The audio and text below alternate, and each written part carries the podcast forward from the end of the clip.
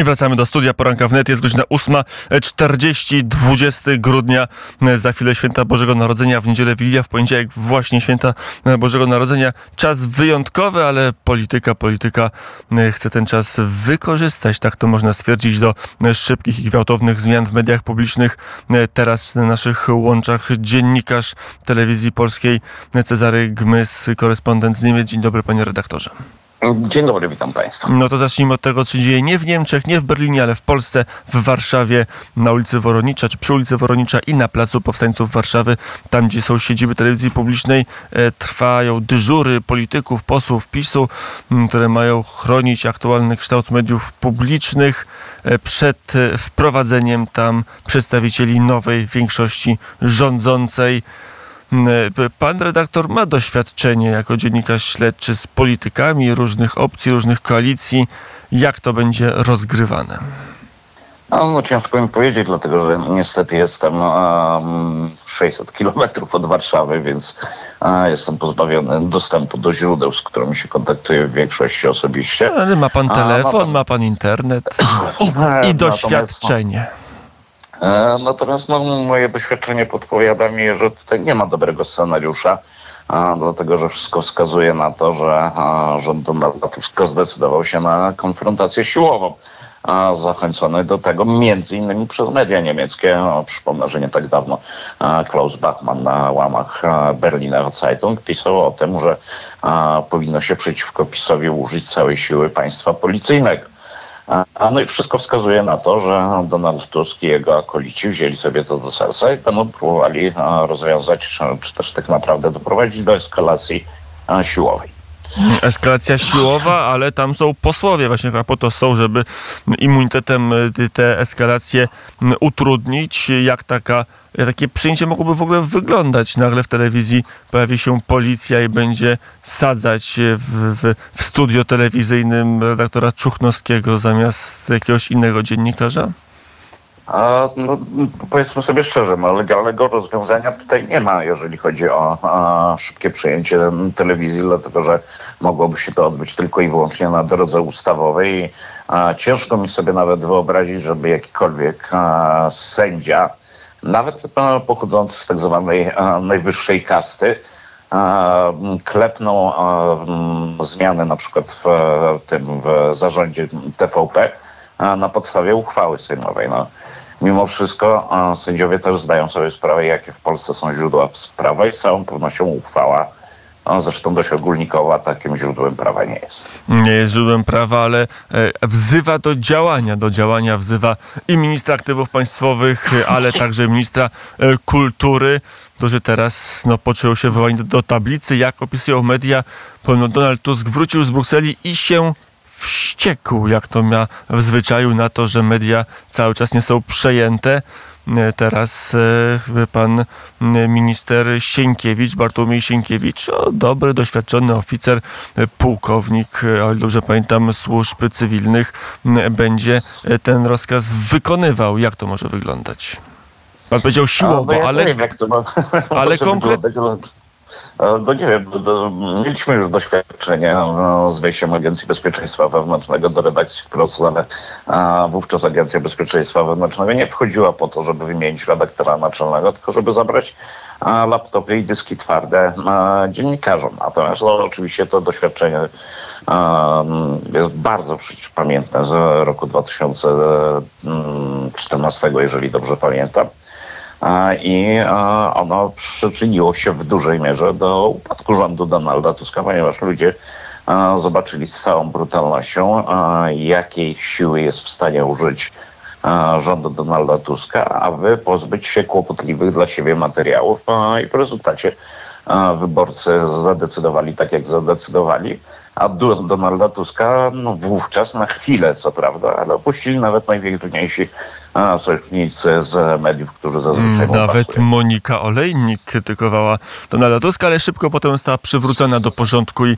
na właściwy y, tor. Panie redaktorze, to wspomniał pan o tym, że niemiecka prasa kibicuje, zachęca, dopinguje Donalda Tuska do szybszego przejmowania nie tylko mediów publicznych, ale, ale także y, tej instytucji.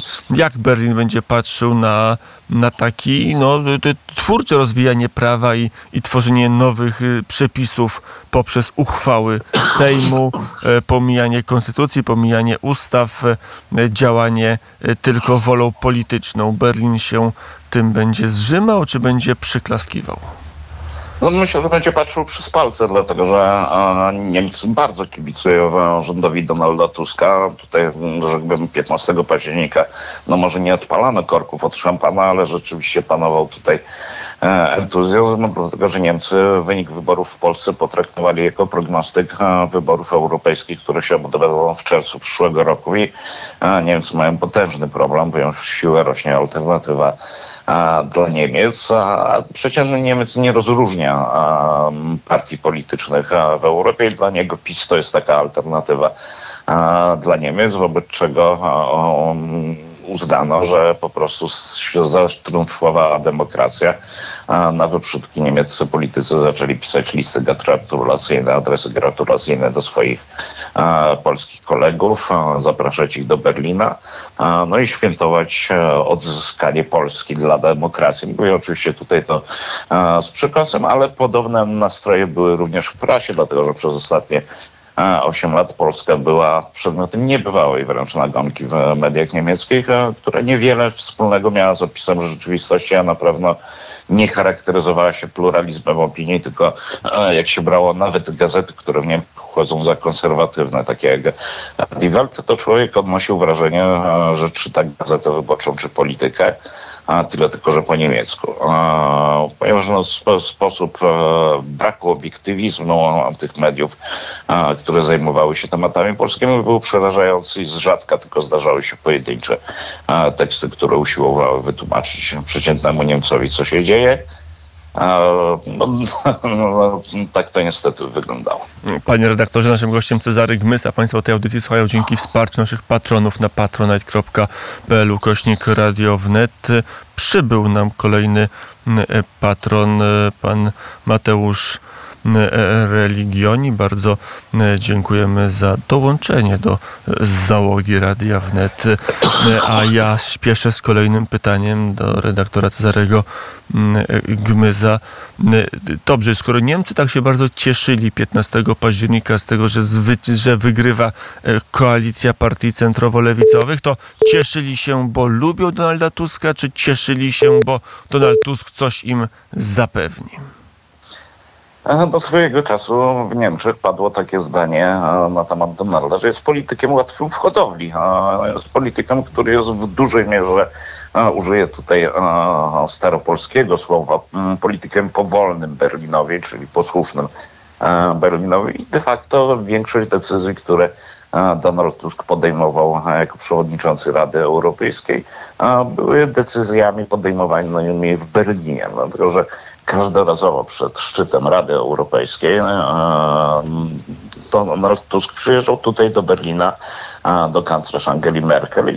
Nie był, mimo że nazywano go prezydentem czy też królem Europy, nie był bynajmniej prowadzony po czerwonym dywanie przed kanclerem, tylko bocznym wej- wejściem wjeżdżał do urzędu kanclerskiego i tam mm, rozmawiał z Angelą Merkel o czym nie wiadomo. To co prawda był notyfikowany mediom fakt, że Angela Merkel spotkała się z Donaldem Tuskiem, ale nigdy po takim spotkaniu, ani przed takim spotkaniem nie odbyła się żadna konferencja prasowa.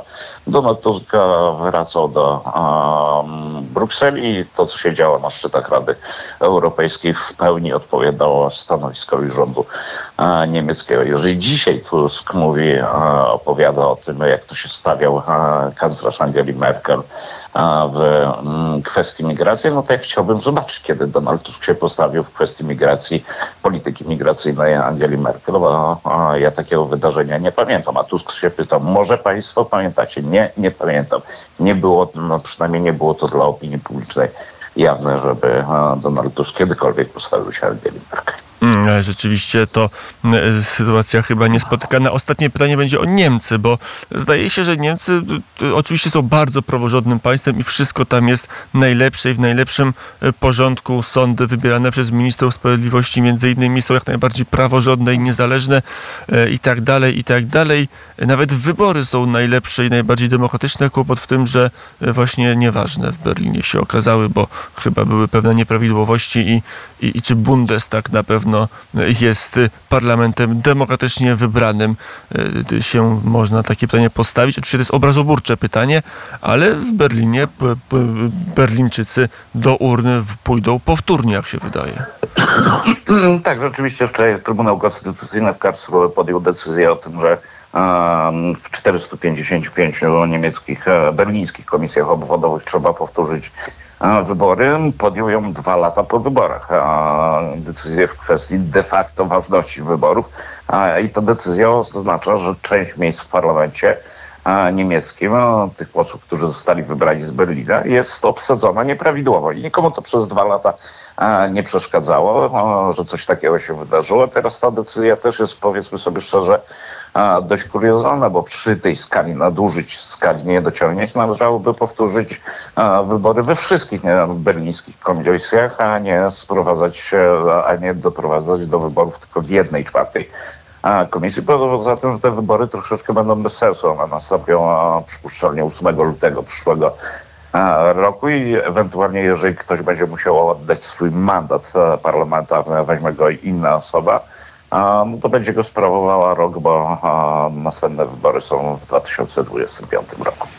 Mm, I o tym e, mówił Cezary Gmys, dziennikarz, korespondent e, telewizji publicznej, chciałem powiedzieć Radia Wnet, ale nie, telewizji publicznej, telewizji polskiej e, w Berlinie. Panie redaktorze, dziękuję bardzo za rozmowę. Dziękuję bardzo, pozdrawiam serdecznie.